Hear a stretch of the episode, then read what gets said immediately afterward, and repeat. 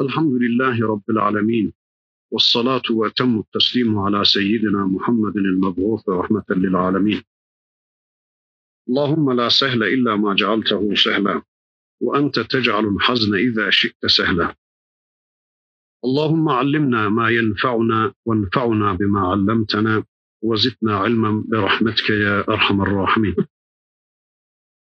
أما بعد بسم الله الرحمن الرحيم. قل يا أيها الكافرون لا أعبد ما تعبدون ولا أنتم عابدون ما أعبد ولا أنا عابد ما عبدتم ولا أنتم عابدون ما أعبد لكم دينكم ولي دين Sadakallahul azim. Kulluk kitabımızın bir suresiyle Kafirun suresi ismi verilen bir suresiyle karşı karşıyayız. İnşallah bu sureyi tanımaya çalışacağız. Bu sure cahiliyenin davetçiye karşı, peygambere karşı tavrını, davetçinin de, peygamberin de cahiliyeye karşı tavrını en güzel bir biçimde ortaya koyan, küfürle İslam arasında asla uzlaşmanın mümkün olmayacağını anlatan bir suredir. İnşallah bu sureyi bu dersimizde tanımaya çalışacağız. Mekke cahiliye toplumu içinde zuhur eden Allah'ın Resulü Hazreti Muhammed Aleyhisselam'ın içinde dünyaya geldiği cahiliye toplumuna karşı tavrı, Mekke cahiliye toplumunun da peygamberimize karşı tavrını en güzel biçimde anlatan bir suredir bu. O dönemde ve tarihin her döneminde cahiliyenin davetçiye karşı dört tane tuzağı vardır. Dört tuzağı ola gelmiştir. Cahili bir sistem kendi içinde zuhur etmiş, kendisini yıkma adına, cahiliyeyi yıkma adına zuhur etmiş davetçiye karşı dört oyun oynar, dört tuzak oynar. Bunlardan birincisi önce davetçiyi kötülemek suretiyle, aleyhinde propaganda yapmak suretiyle davetçiyi kendi kaderiyle makus hale getirir. Yani davetçinin çevresine öyle muazzam bir ağ över ki cahiliye ister ki kimse onunla münasebet kurmasın. Onun çevresinde cemaat oluşmasın, insanlar onunla bütünleşmesin. İşte Mekke'de kainatın seyyidi Hazreti Muhammed Aleyhisselam'a aynı tuzağın, birinci tuzağın işlediğini görüyoruz. Dediler ki bunu dinlemeyin. Bunun kendisine hayrı yok ki size hayrı olsa. Bu babayla evladın arasını açmıştır. Bu karıyı kocaya düşman etmiştir. Bu sihirbazdır, bu şairdir, bu kahindir, bu mecnundur. Sakın bunu dinlemeyin diye kainatın seyyidi Hazreti Muhammed Aleyhisselam'ı korkunç bir biçimde kötülediler. İstediler ki insanlar davetçiyle bütünleşmesin. İnsanlar davetçiyle münasebet kurmasın. Fakat bütün bunlara rağmen kainatın seyyidi Hazreti Muhammed Aleyhisselam birinci merhaleyi aştı. Bütün bu aleyhte propagandalara rağmen yine de Allah'ın Resulü Hazreti Muhammed Aleyhisselam'ın çevresinde bir cemaat oluştu. Birinci tuzağının sökmediğini gören cahiliye bu defa ikinci tuzağını işletir. O da uzlaşma teklifidir. Artık cahiliye davetçiyi kabul etmiştir. Davetçinin çevresinde oluşan cemaatin gücünü, kuvvetini kabul etmiştir ve ikinci tuzağı işlemeye başlar. Uzlaşma teklif eder davetçiye. Arkadaşlar cahiliye davetçiye yüzde 99 taviz verir, davetçiden de yüzde bir taviz ister. İşte bu başında peygamber olmayan davetlerin pek çoğunu yanıltmıştır. Davetçilerin pek çoğunu yanıltmıştır. Başında peygamber olmayan davetlerin davetçisi zanneder ki eğer cahiliyenin vereceği yüzde 99 tavizi alırsam şuralara şuralara şuralara gelirsem böylece Allah'ın dinini hakim kılarım düşüncesine kapılır. Yüzde bir taviz versem ne çıkar der ve Allah korusun başında peygamber olmayan davetlerin pek çoğu aslımızda da görüyoruz. Hepsi bu ikinci merhalede yıkılmıştır, yok olup gitmiştir. Ama başında peygamberlerin bulunduğu davetler bu ikinci merhalede yıkılmamıştır.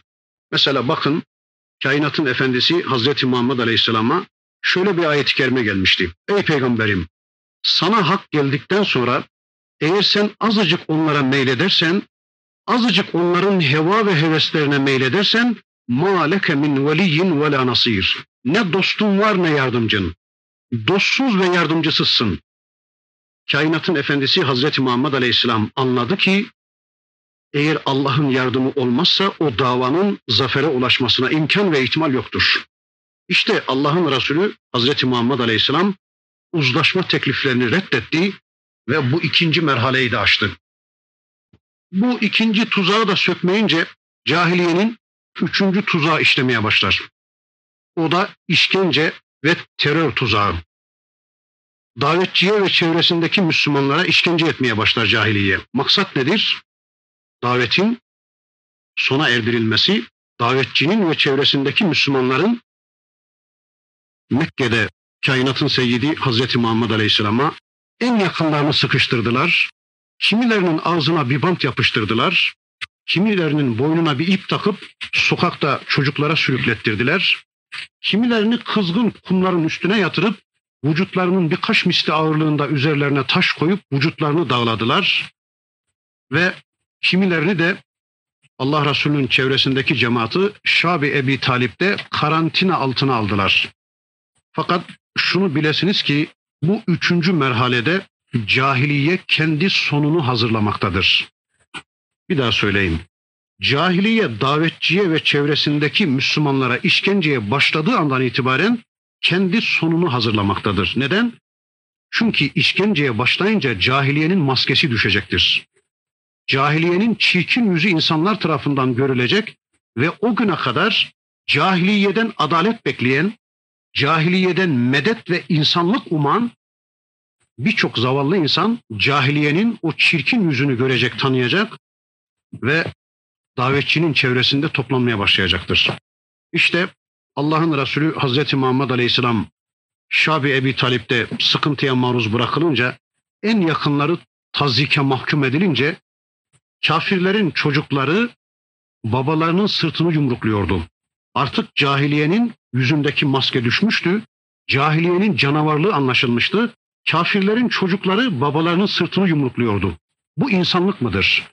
Siz ne zalim insanlarmışsınız? Bunlar insan değil mi? Bunlara bu zulüm reva mı diye babalarının sırtını yumrukluyor ve gecenin altında yatağını, yorganını sırtına vuran gençler Şabi Ebi Talib'e gidiyordu.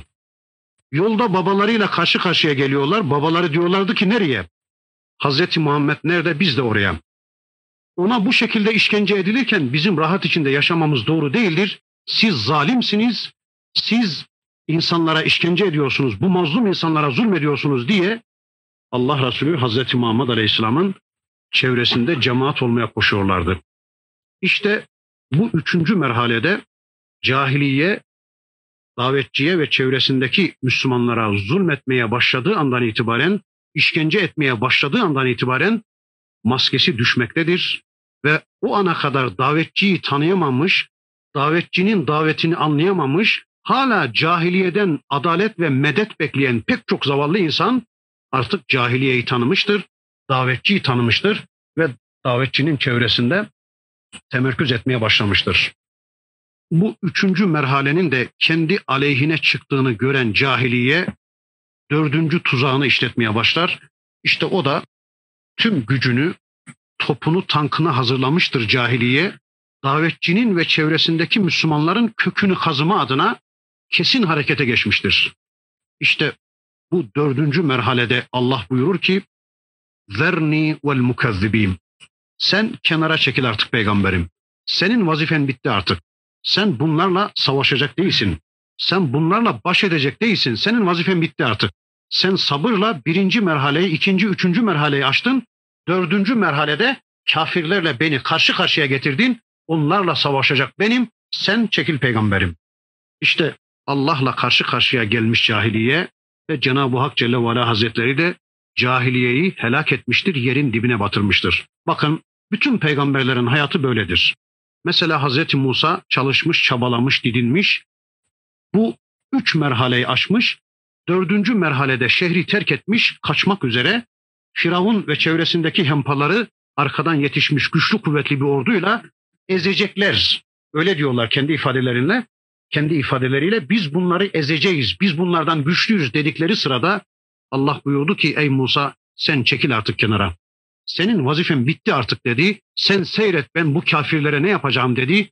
Ve Cenab-ı Hak tüm cahiliye mensuplarını, Firavun'u ve hempalarını denizde boğuverdi. Hazreti İbrahim'in hayatı böyle oldu. Kainatın seyyidi Hazreti Muhammed Aleyhisselam'ın hayatı böyle oldu. Allah'ın peygamberleri cahili toplumlarını net ve açık olarak Allah'ın ayetleriyle uyarmışlardır.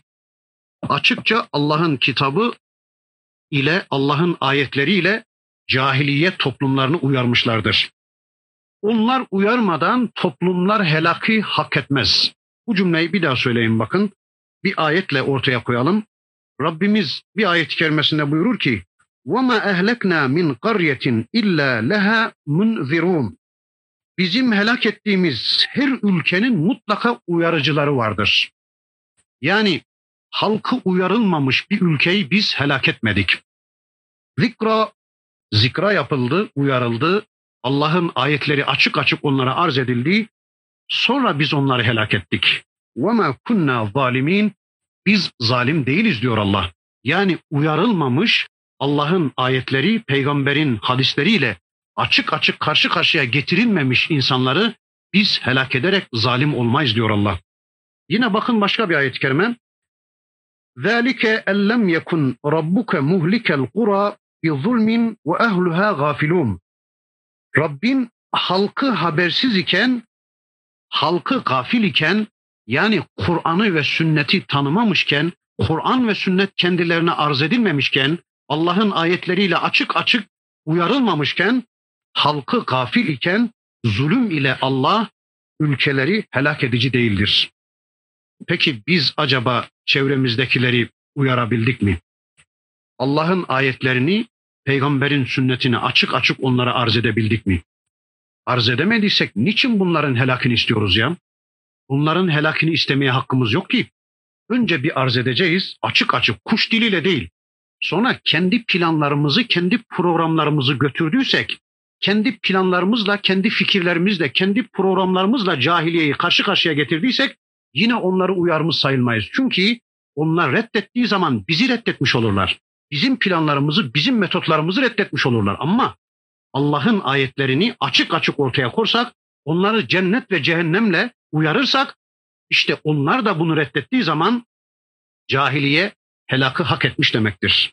Biz bu vazifeyi yapmadığımız için hiç kimsenin helakını istemeye hakkımız yoktur ve bunlar da helakı hak etmemiştir. Bu kısa mukaddimeden sonra inşallah Kafirun suresini bu hususu müşriklerle uzlaşmanın asla mümkün olmayacağını anlatan en bariz biçimde bunu ortaya koyan Kafirun suresini inşallah tanımaya çalışalım. Surenin adına İhlas suresi, ibadet suresi de denmiştir. Aynı zamanda Mukaşkış suresi de denmiştir. Küfrü kışkışlayan, inkarı ürküten, kovalayan, ilhadı kışkışlayan sure manasına bu sureye Mukaşkış suresi de denmiştir. Surenin nüzul sebebi olarak şu anlatılır. Demin de arz etmeye çalıştım. Allah'ın Resulü Hazreti Muhammed Aleyhisselam'a Mekke'de şiddetli bir muhalefet fırtınası estirildi. Her yönden bu fırtına esmeye başlandı, başladı. İşkence fırtınası esmeye başladı. Sonra hemen arkasından uzlaşma teklifleri geldi kainatın seyyidine. Dediler ki ey Muhammed eğer para istiyorsan en mümbit arazilerimizi sana tapulayalım. Eğer evlenmek istiyorsan en güzel kızlarımızı sana nikahlayalım. Eğer başımıza reis olmak istiyorsan, emir olmak istiyorsan seni başımıza reis yapalım gibi şirk tekliflerinin yanında daha bir belirgin şirk teklifleri vardı. O da şöyleydi. Ya Muhammed istersen bir yıl sen bizim putlarımıza ibadet yap, bir yılda biz senin Allah'ına kulluk yapalım. Şöyle bir birbirimizden istifade edelim. Eğer bizim putlarımızda bir hayır varsa sen ondan mahrum kalma, sen ondan istifade et. Eğer senin Allah'ında, senin Rabbinde bir hayır varsa Biz de ondan mahrum kalmayalım. Şöyle ortaklaşa bir yıl sen bizim putlarımıza, ikinci yılda biz senin Allah'ına kulluk yapalım. Eğer bunu kabul etmezsen hiç olmazsa sen bizim putlarımızın aleyhinde konuşma, biz de senin Allah'ın aleyhinde konuşmayalım. Uzlaşma teklif ediyorlardı. Ya da bari bir selam ver, hepten unut verme bizi. Kucaklaşalım, konuşalım, muhabbet edelim, kaynaşalım, aramızda bir birlik beraberlik olsun dediler. Kainatın seyyidi Hazreti Muhammed Aleyhisselam böyle bir teklifle karşı karşıya kalınca şöyle dedi. Bu asla mümkün değildir. Yani küfürle İslam'ın ızdivacı, küfürle İslam'ın uzlaşması asla mümkün değildir. Çünkü küfürle İslam birbirine zıttır. Tarihin hiçbir devrinde küfürle İslam'ın ızdivacı asla mümkün değildir. İslam küfürden ayrıdır, küfür de İslam'dan ayrıdır. Beyaz ile siyah gibi, gece ile gündüz gibi, aydınlıkla karanlık gibi apayrı şeylerdir bunlar. Birinin varlığı diğerinin yokluğunu intac edecektir. Birisi varsa diğeri yoktur. Yani bunun manası şudur. Bir yerde İslam varsa orada küfür bulunamaz. Tabi küfür varsa da İslam bulunmayacaktır. Bakın şimdi küfrün hakim olduğu toplumlarda İslam'ın varlığına hayat hakkı tanıyorlar mı? Tanımıyorlar. Koskoca bir mektepte iki tane kız çocuğu başını örtüverse küfrün buna tahammülü yok. Koskoca bir dairede iki tane memur rüşvet yemeyi verse küfrün buna tahammülü yoktur. Koskoca bir mektepte iki tane öğretmen sakal bırakıverse küfrün buna tahammülü yoktur. Yani Müslümanlar küfürle mücadeleye girmeseler, güçsüz olsalar, zayıf olsalar, teslim olduk deseler dahi küfrün İslam'ın varlığına asla tahammülü yoktur. İşte kainatın efendisi Hazreti Muhammed Aleyhisselam buyurdu ki bu asla mümkün değildir. Sonra müşrikler sıkıştırdılar peygamberimizi, sık sık geldiler gittiler, uzlaşma teklif ettiler ve Allah'ın Resulü Hazreti Muhammed Aleyhisselam buyurdu ki bekleyin Rabbim ne buyuracak dedi. Bekleyin Rabbim ne buyuracak. Bunu müşrikler yanlış anladılar. Peygamberimizin şöyle dediğini zannettiler. Yahu bana bir fırsat verin. Bir zaman tanıyın, bir düşüneyim, bir taşınayım, bir araştırayım, bir istişare edeyim. Böyle bir şey caiz mi değil mi, mümkün mü değil mi? Bana bir süre tanıyın diyor zannettiler. Halbuki peygamberimizin bekleyin Rabbim ne buyuracak sözünün manası şudur. Bir misal arz edeyim bakın. Farz edin ki bir dairede bir memur çalışıyor.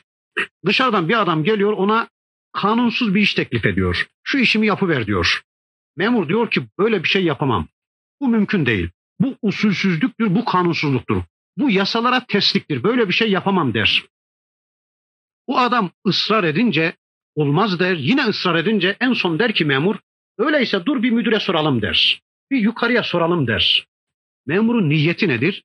Zaten olmayacak olan o şeyi bir de müdürün ağzından olmayacağını belgelemektir, tescil etmektir. İşte aynen bunun gibi uzlaşmanın asla caiz olmadığını, İslam'la küfrün asla ızdıvac edemeyeceğini bilen kainatın seyyidi, durun bekleyin Rabbim ne buyuracak derken bir de Cenab-ı Hak'tan gelecek bir sureyle böyle bir şeyin asla mümkün olmayacağını, olamayacağını tescil etmek istedi, belgelemek istedi.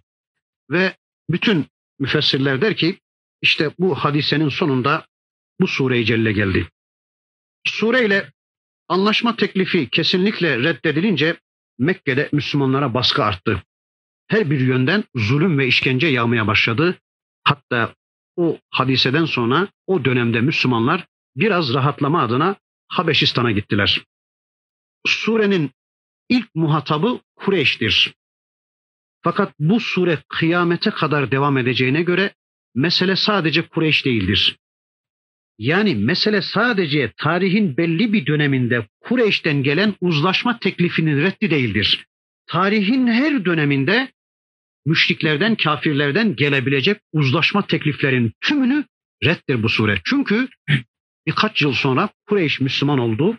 O Kureyş de bu sözün muhatabı dersek eğer Kureyş Müslüman oldu ve Kureyş de bu sureyi kendi namazlarında okumaya başlayınca o zaman sözün muhatabı kalmayacaktır. Öyleyse muhatap Kureyş gibi gözüküyorsa da tarihin her bir döneminde kafirlerden gelebilecek uzlaşma teklifini reddir ve İslam'ın küfre karşı kendisini ortaya koyması arz etmesidir. Sureyle alakalı birkaç tane hadis var. Onları şöyle kısaca arz edeyim. Allah'ın Resulü günlerce, aylarca sabah namazında ve akşam namazında Kafirun suresini okudu ve çevresindekiler onu takip etti.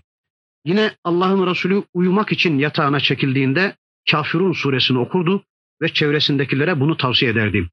Eğer şirki, inkarı, ilhadı kışkışlamak istiyorsanız, şirkten teberri etmek, uzaklaşmak istiyorsanız siz yatmadan önce Kafirun suresini okuyun diye Allah'ın Resulü çevresindekilere tavsiye ederdi. Yine tavaf namazında, ihram namazında, tahiyyeyi mescit namazında ve bir de istihara namazında bu iki sure okunur. Kafirun suresi ve İhlas suresi okunur. Çünkü bu iki sureye mukaşkışateyn denmiştir. Yani şirki kışkışlayan, ürküten, kovalayan iki sure manasına İhlas suresine ve Kafirun suresine mukaşkışateyn denmiştir. Bundan sonra inşallah surenin ayetlerini tek tek tanımaya çalışalım.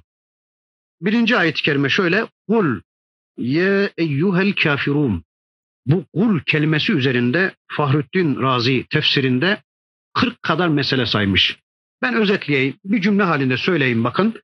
Bu kul kelimesi Kur'an'ın Allah'tan olduğunun damgasıdır. Kul de ki kim diyecek? Peygamberimiz diyecek. Eğer Kur'an peygamberden olsaydı kendi kendine de demezdi değil mi? Allah'tan geliyor mesaj. İşte Allah'ın Resulü bu kul ile şunu ortaya koydu. Dinleyin şu anlatacaklarım Allah'tandır. Mesaj Allah'tandır, söyleyeceklerim Allah'tandır. Yani bu kul mesajın Allah'tan olduğunun damgasıdır. Ye eyyuhel kafirun. Ey kafirler. Kur'an'ın pek çok yerinde peygamberimize tatlılıkla, mülayemetle, rahmeten lil alemin olarak insanları İslam'a çağırması teklif ediliyor. Mesela وَلَوْ كُنْتَ فَضًّا غَلِيظَ الْقَلْبِ لَنْفَضُّ مِنْ حَوْلِكَ Eğer peygamberim sen katı kapli, sert kaba bir insan olsaydın senin çevrende bir tek insan kalmazdı. وَمَا أَرْسَلْنَاكَ إِلَّا رَحْمَةً لِلْعَالَمِينَ Udu'u ila sebile rabbike bil hikmeti vel mev'izatil haseneti ayetlerine baktığımız zaman bütün bu ayetler bize şunu gösteriyor ki Cenab-ı Hak peygamberimize kırmadan, dökmeden, tatlılıkla, mülayemetle, rahmeten lil alemin olarak insanları İslam'a davet etmesi öneriyor. Tavsiye et. Fakat burada tamamen tersine de ki ey peygamberim, ey kafirler. Şiddetli bir hitap var. De bir tek insan kalmazdı. وَمَا أَرْسَلْنَاكَ إِلَّا رَحْمَةً لِلْعَالَمِينَ Udu'u ila sebile rabbike bil hikmeti vel mev'izatil haseneti ayetlerine baktığımız zaman bütün bu ayetler bize şunu gösteriyor ki Cenab-ı Hak peygamberimize kırmadan, dökmeden, tatlılıkla, mülayemetle, rahmeten lil alemin olarak insanları İslam'a davet etmesi öneriyor, tavsiye ediliyor. Fakat burada tamamen tersine de ey peygamberim, ey kafirler, şiddetli bir hitap var. Sanki anlıyoruz, tabiri caizse koalisyonun asla mümkün olamayacağının damgası ifadesidir bu öyle şiddetli bir hitapla peygamberimizin kafirlere hitap etmesini istedi ki Rabbimiz içlerinde şöyle barışmaya, barışmaya, ızdıvaca eğer işlerinde milyarda bir ihtimal şöyle bir ümit varsa o ümit de kırılsın artık peygambere bir daha uzlaşma teklifiyle gelmesinler diye Cenab-ı Hak Celle ve Ala Hazretleri öteki ayetlerin zıttına burada şiddetli bir hitapla peygamberimize hitap etmesini söylüyor. Ey kafirler! Siz ayrısınız, biz ayrıyız. Siz kafirsiniz, biz Müslümanız deme adına ye eyyuhel kafirun. Acaba neden kafirun dendi de kafir denmedi? Bir kere burada çoğul kullanım. Kafir demedi Allah. Çünkü burada hedeflenen fes değil bir gruptur, bir topluluk. Yani hem de kafirlerin şahsını değil de Allah sıfatlarını hedefledi. Şöyle söyleyeyim bakın. Eğer şahıslar hedeflenseydi, günün birinde onlardan Müslüman oluverseydi, o zaman sözün muhatabı kalmayacak. Halbuki kafir sıfatı ebediyen İslam'a gelmeyecek olanların sabit sıfatı olduğundan Cenab-ı Hak onları sıfatıyla zikretti. Eyyuhel kafirun dedi.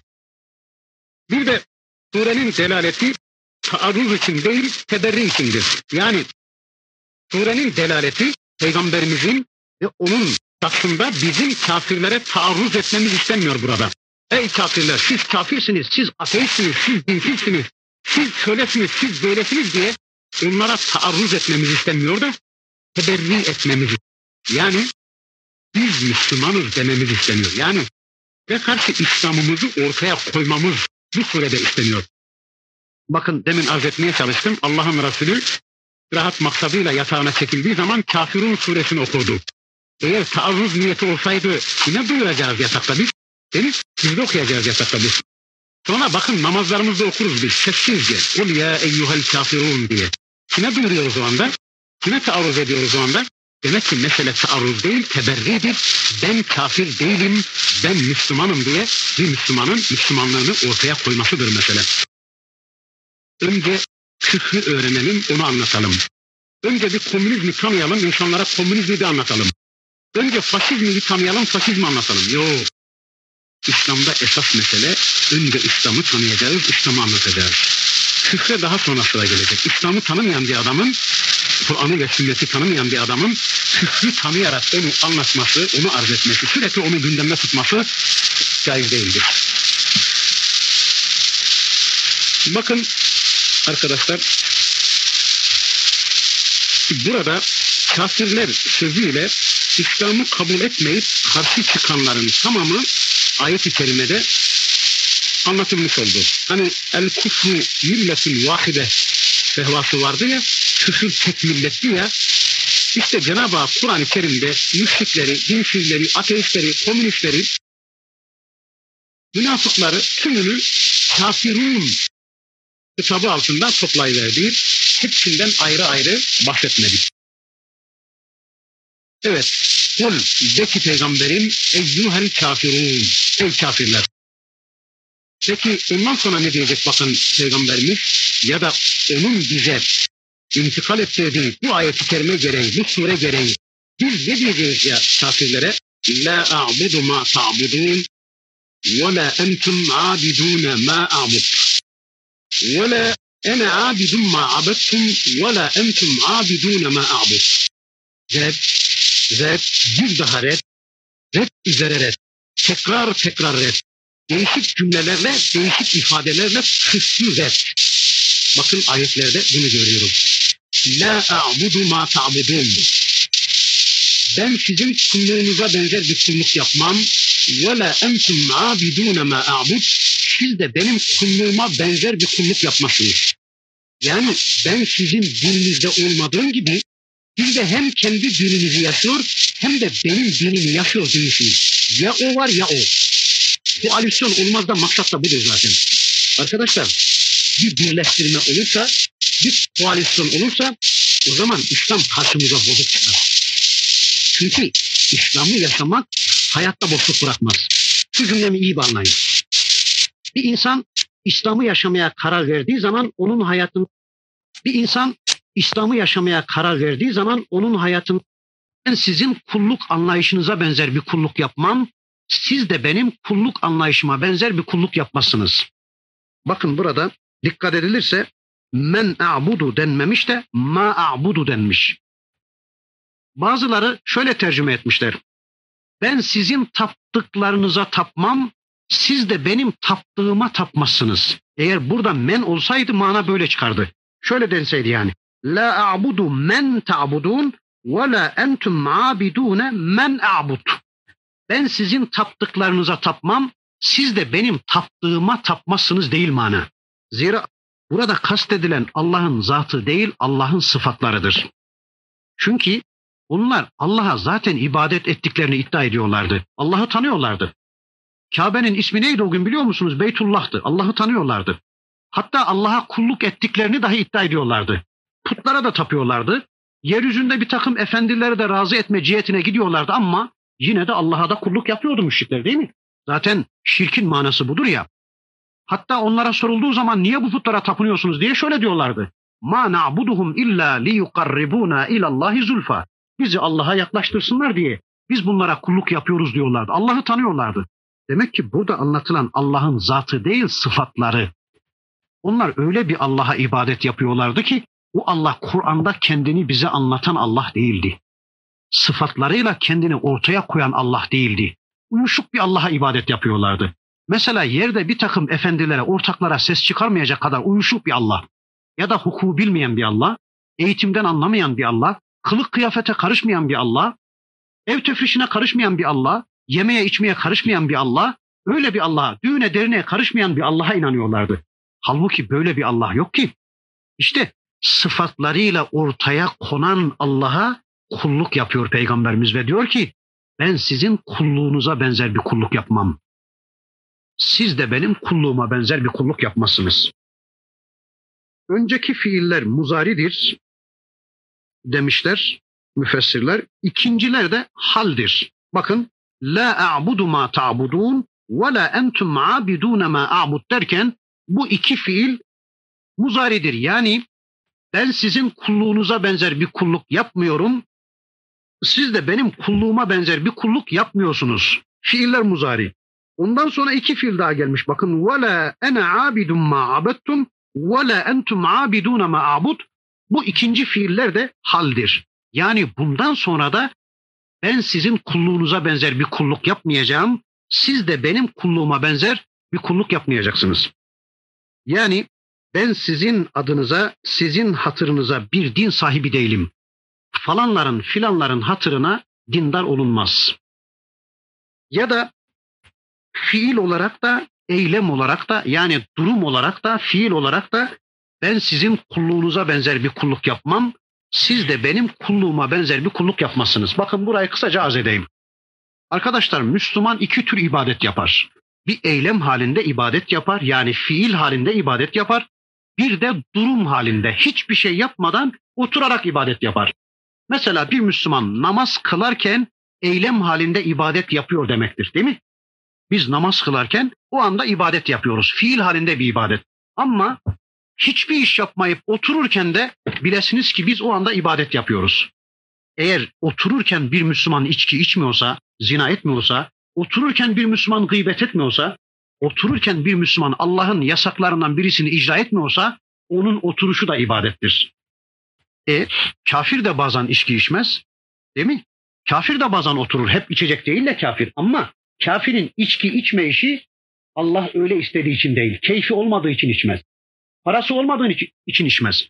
Ama bir Müslüman Allah yasak kıldığı için içmez değil mi? Öyleyse la a'budu ma ta'budun ve la entum abidun ma a'bud ve la ana abidun ma abettum ve la entum abidun ma a'bud derken birinciler eylem halinde, fiil halinde ben sizin kulluğunuza benzer bir kulluk yapmam. İkinciler de otururken durum halinde ben sizin kulluğunuza benzer bir kulluk yapmam demektir. Evet, ben sizin kulluğunuza benzer bir kulluk yapmam. Siz de benim kulluğuma benzer bir kulluk yapmazsınız. Onlar putlarla beraber Allah'a kulluk yapıyorlardı. Peki ne adına yapıyorlardı bunu? Kulluğu öyle anladıkları için, öyle zannettikleri için böyle yapıyorlardı. Öyleyse arkadaşlar biz de Allah'a kulluğumuzu Allah'ın istediği biçimde belirlemek zorundayız. Buna kendiliğimizden ilaveler yapmamız ya da çıkarmalar, eksiklikler yapmamız Allah korusun şirktir. Allah'a akıl verme cihetine gitmeyeceğiz. Yani kendi kendimize bir kulluk türü ihtas edeceğiz. Mesela dışarıda yağmurun altında başımızı yere koyacağız, ayaklarımızı göğe dikeceğiz, iki buçuk saat kulluk yapacağız. Böyle bir kulluk türü geliştireceğiz. Diyeceğiz ki ya Rabbi ben böyle bir şey münasip gördüm. Senin hatırını böyle kazanmak istiyorum. Sen bundan razı ol diyeceğiz. Allah'a akıl vermeye kalkacağız. Olmaz öyle şey. Değil mi? Allah bizden nasıl bir kulluk türü istediyse o şekilde kulluk yapacağız. Kur'an ve sünnet istikametinde bir kulluk yapacağız. Sonra da diyeceğiz ki bizim kulluğumuz ya Rabbi senin istediğin biçimde. İnsan bazen makamı kullukta kullanır. Bir makama oturur. Ya Rabbi ben bu makamla sana kulluk yapıyorum. Halbuki belki o makam Müslümanın hiç oturmaması gereken bir makamdır. O makamdan ayrılmamak için bütün tavizleri verir. Sonra da der ki işte ben burada oturduğum için Müslümanlara hizmet ediyorum. Bu bir kulluktur der. Ne yapar? Bu defa koltuğu hedefler. Tıpkı putların, müşriklerin putları hedefledikleri gibi. Şu putların hatırını kazanırsak Allah katındaki derecemiz artar diye müşriklerin putları araya sokup hedefledikleri gibi o da makamı hedefler. Bir başkası da malı hedefler. Çok para kazanmalıyım. Niye? Zekat vereyim de Allah katında derecem artsın. Bugününü, yarınını, dününü, bütün zamanını para kazanmaya ayırır. O kadar paranın peşine takılır ki ya niye böyle yapıyorsun dendiği zaman da der, der ki ya iyi ya fazla para kazanayım, zekat vereyim de Allah katında derecem artsın. Sırf parayla kazanılmaz ki Allah'ın rızası. Derece sırf parayla Allah katında elde edilmez ki. İlimle de emri bil marufla da halbuki 24 saatin içinde Allah'ın bizden istediği öteki vazifeler de vardır. Mesela birilerine hadis anlatmak zorundayız. Birilerine ayet anlatmak zorundayız. Kur'an'ı tanımak zorundayız. Emri bil maruf yapmak zorundayız. Çocuklarımızın dini hayatıyla ilgilenmek zorundayız. Komşumuzun kızıyla ilgilenmek zorundayız. Ya da komşumuzun oğluna İslam anlatmak zorundayız. E bütün bunları görmezden geleceğiz. 24 saati para kazanmaya ayıracağız ve dünyanın peşine öyle bir takılacağız ki niye böyle yapıyorsun dendiği zaman da iyi ya işte para kazanayım da zekat vereyim Allah katında derece artsın diyorsa bir Müslüman o da bunu putlaştırmıştır. Mal kazanmanın aleyhinde değiliz ama Allah'ın 24 saat içinde bizden istediği diğer vazifeleri ihmal etmeme kaydı şartıyla. Bir başkası da kadını putlaştırır bazen. Ben çok güzel bir kızla evlenmek zorundayım. Niye? E canım elin alemin karısında kızında gözüm olmasın. Böylece Allah katında derecem artsın. O da kadının güzelliğini putlaştırmıştır. Halbuki arkadaşlar biz biliyoruz ki kadın dış güzelliğiyle değil, kalbiyle, diniyle bizim dinimizi kurtaracaktır. Evet, son ayeti kerime bakın arkadaşlar şöyle. Lekum dinukum veliyedin. Şirk dolu, küfür dolu, hıyanet dolu, vebal dolu olan sizin dininiz sizin olsun, tevhid dinim de benim olsun. Veya bu son cümle öncekilerin takriridir. Öncekilerin tebliğidir. Önce Allah'ın aldığı kararları bu son cümle tebliğ ediyor, takrir ediyor demektir. Bakın ayet-i kerime çok enteresan. Manayı anladınız herhalde. Lekum dinukum veliyedin. Sizin dininiz sizin, benim dinim de benim. E o günkü kafirlerin bir dini mi vardı ki sizin dininiz sizin olsun dedi Allah. Bakın başta dedi ki ya eyyuhel kafirun. Ey kafirler dedi. Başta kafir olduğunu Allah ortaya koydu onların. Sonra da dedi ki lekum dinukum. Sizin dininiz sizin olsun. Ya kafirin dini mi olur? Ha öyleyse dinle onu bir tanıyalım. Din ne? Din insanların hayatını dolduran prensipler mecmuasıdır.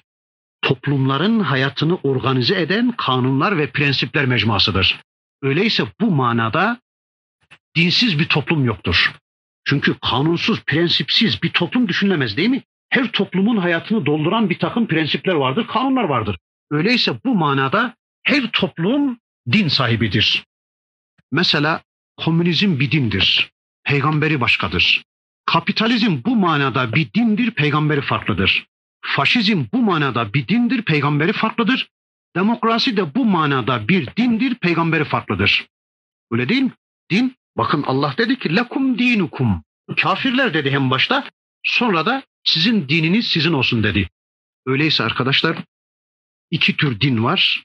Bir hak dinler, bir de batıl dinler. Bir kaynağı Allah olan dinler, insanların hayatını organize eden kanunlar, prensipler mecmuası, bir de insanlar tarafından ortaya atılmış, düşünürler tarafından ortaya atılmış prensiplerle hayatın organize edildiği dinler. Bakın Rabbimiz Kur'an-ı Kerim'de bir ayet-i kerimesinde şöyle buyuruyor. Lillahi dinul halis. Dikkat edin. Katışıksız din Allah'ın dinidir. Katışıksız din. Yani hayatın tümünü Allah'ın arzularıyla doldurulan din Allah'ın dinidir. Öyleyse din sadece namaz kılmak değildir. Din sadece oruç tutmak değildir. Din hayatın tümünü Allah'ın emirleriyle doldurmaktır. Bir bakın hayatınıza. Hayatınızın kaçta kaçını Allah'ın emirleri dolduruyor? Hayatınızın kaçta kaçını başkalarının arzuları dolduruyor? Bir başka ayet-i kerimede arkadaşlar bakın. Hazreti Yusuf için ma kana li ya'khuza ahahu fi dinil melik. Melik'in dinine göre diyor Hazreti Yusuf kardeşi Bünyamin'i tutamazdı diyor. Melik'in dinine göre. Ya Melik'in dini falan yoktu. Ha din kanun demektir. Din hayatta uygulanan prensipler manzumesi demektir. İşte Son ayet-i kerime böyle. Lekum dinukum veliyedin. Sizin dininiz, sizin hayatınızı dolduran prensipleriniz sizin olsun. Benim hayatımı dolduran Rabbimden gelme tevhid dininin prensipleri de benim olsun. İslam'da bir kayda var. Önce demin de arz etmeye çalıştım. Önce İslam ortaya konur, sonra küfür ortaya konur. Fakat burada tamamen zıttına önce küfürle işe başlamış Allah. Önce batılı ortaya koymuş. Demiş ki lekum dinukum veliye din. Sizin dininiz diye önce batılı ortaya koymuş. Veliye din, benim dinim de bana diye İslam'ı ikinci planda ortaya koymuş. Bunun sebebi nedir? Arkadaşlar bunun sebebi şudur. Müslümanın muhatabı kafirler olunca bu caizdir. Yani Müslüman konuşurken karşısında kafirler varsa, varsa ey kafirler siz kafirsiniz diye batıldan başlayabilir. Ama Müslümanın muhatapları Müslümansa önce İslam ortaya konmalı. Küfür, batıl ikinci, üçüncü sırada ortaya konmalıdır. Anladınız değil mi? Anlayabildiniz mi? Önce batıl ortaya konmaz. Önce İslam ortaya konur. Batıla daha sonra sıra gelir. Lekum dinukum veliyedin. Tevhid dini, ihlas dini, hak dini, ibadet dini olan benim dinim benim olsun. Son din benim olsun. Siz de kimin prensiplerinden aldıysanız, hayatınızı kimin prensipleriyle doldurduysanız sizin dininiz de sizin olsun. Ya da arkadaşlar bunun bir başka manası şudur. Lekum dinukum veliyedin. Madem ki hak dini kabullenmiyor, tasdike yanaşmıyorsunuz, o halde beni kendi dininize zorlayıp durmayın. Bir başka manası budur. Bir de din millet manasınadır. O zaman şöyle mana vereceğiz. Lekum dinukum veliye din. Ben İslam milletindenim. Benim milletim benim olsun. Siz de kendinizin hangi milletten olduğunu iddia ediyorsanız sizin milletiniz de sizin olsun. Lekum dinukum veliye din. Din hesap manasınadır. Öyleyse lekum dinukum veliye din. Sizin hesabınız sizin olsun, benim hesabım da benim olsun. Siz dininizin, yaşadığınız dininizin hesabını siz kendiniz verin, sorumluluğuna siz katlanın. Benim dinimin hesabı da benim olsun. Din ceza manasınadır. Yani mükafat. Arapçadaki ceza Türkçe'de mükafat demektir. Öyleyse şöyle diyeceğiz. Lekum dinukum veliye din. Sizin dininizin mükafatı olan cehennem sizin olsun. Benim dinimin cezası Türkçedeki mükafatı olan cennet de benim olsun. Din ukubat manasınadır. Öyleyse şöyle diyeceğiz. Benim Rabbimin ikabı sizin üzerinize olsun. Sizin putlarınızın ikabı da benim üzerime olsun. Lekum dinukum veliyedin. Benim Rabbimin ikabı sizin üzerinize olsun, cezalandırması. Sizin putlarınızın da gücü varsa, haydi erkekse, gücü yetiyorsa üstüme gelsinler bakalım ne yapacaklar. Sizin putlarınızın da ikabı benim üzerime olsun. Yine din adet manasınadır. Öyleyse şöyle diyeceğiz. Lekum dinukum veliyedin. Sizin toplumdan kaynaklanan, aba ve ecdattan kaynaklanan şirk adetleriniz sizin olsun.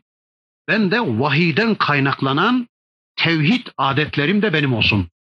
Din adet manasınadır. Öyleyse tüm adetler için biz de bunu diyeceğiz. Bir yerde düğün adeti, bir başka yerde okuma adeti, bir başka yerde eğlenme adeti, neyse artık hangi adetle karşı karşıya kalmışsak diyeceğiz ki lekum dinukum veliyedin. Aba ve ecdattan kaynaklanan, nefislerinizden kaynaklanan, toplumdan kaynaklanan, Allah'ın ve peygamberin istemediği şık adetleriniz sizin olsun. Bizim o adetlerle en küçük bir ilgimiz, alakamız yoktur. Kur'an'dan ve sünnetten kaynaklanan İslam adetleri, tevhid adetlerimiz de bizim olsun diyeceğiz. Yine din dua manasınadır. Öyleyse şöyle diyeceğiz. Lekum dinukum veliyedin. Siz duanızı putlarınıza yapın. Çağırın imdadınıza putlarınızı. Ben de duamı Rabbime yapacağım. Ben de onu imdadıma çağıracağım. Görelim bakalım. Hangisi güçlü çıkacak? Hangisi dualara icabet edecek? Hangisi duyacak? Hangisi yardıma koşacak? Pek yakında göreceğiz. Hasılı lekum dinukum veliyedin. Herkes kendi dininden, kendi amelinden sorumludur. Benim dinim bana yeter. Sizin dininize ihtiyacım yoktur. Çünkü benim Rabbim öyle bir din göndermiştir ki bir başkasına müracaat etmeme gerek bırakmamıştır. Benim Rabbim öyle bir kitap göndermiştir ki, benim Rabbim öyle bir din vaz etmiştir ki, ben o kitaba bakarak hayatımın tümünü doldurabilirim. Ve başkasına ihtiyacım kalmaz. Ya da Rabbim benden öyle bir kulluk istemiştir ki o kullukta başkalarına itaate yer yoktur. Çünkü İslam hayatta boşluk bırakmaz. Allah'a kulluk, yine Allah'a kulluk, yine Allah'a kulluk, yine Allah'a kulluk. İslam'da şirk yoktur. Öyleyse ben hayatımın bazı bölümlerini Rabbimin arzularına göre, hayatımızın hayatımın bazı bölümlerini de başkalarının arzularına göre dolduramam. Sizin dininiz sizin olsun, benim onlara ihtiyacım yoktur. Benim dinim de hayatımın tümünü ihata eden benim dinim de benim olsun. İşte Allah'ın Resulü Hazreti Muhammed Aleyhisselam içinde zuhur ettiği cahili topluma karşı bunları söyledi. Rabbimiz Efendimiz Hazreti Muhammed Aleyhisselam'a gönderdiği bu sure-i cellesiyle cahiliye karşı, müşriklere karşı nasıl davranması gerektiğini anlattı. O da bu sureyi bize intikal ettirdi. Biz de bu sure istikametinde cahiliyeye bakışımızı ayarlayacağız. Her konuda Rabbimizin dinini tercih edeceğiz. Katışıksız bir din sahibi olacağız. Çünkü ayeti kerimesinde Cenab-ı Hak demin etmeye çalıştım. Ela lillahi dinul halis. Halis din, katışıksız din Allah'ın dinidir. Hem Allah'tan hem başka tağutlardan hem Allah'ın dininden hayatın bazı bölümlerini Allah'ın diniyle hayatımızın bazı bölümlerini de filanların falanların arzusuyla doldurmaya kalkarsak Allah korusun işte bu katışıklı bir dindir. İçine başka şeylerin katıldığı bir dindir. Bizim dinimiz böyle bir din olmayacak. Sure-i Celle'yi böyle kısaca arz etmeye çalıştım. Allah hepinizden razı olsun. Dinlediniz. İnşallah bir şeyler anladınız. Anladıklarımızla amel etmeyi, anladıklarımızla bakış açılarımızı İslamlaştırmayı Rabbim hepimize nasip ve mukadder kılsın. سبحان ربك رب العزة عما يصفون وسلام على المرسلين والحمد لله رب العالمين الفاتحة.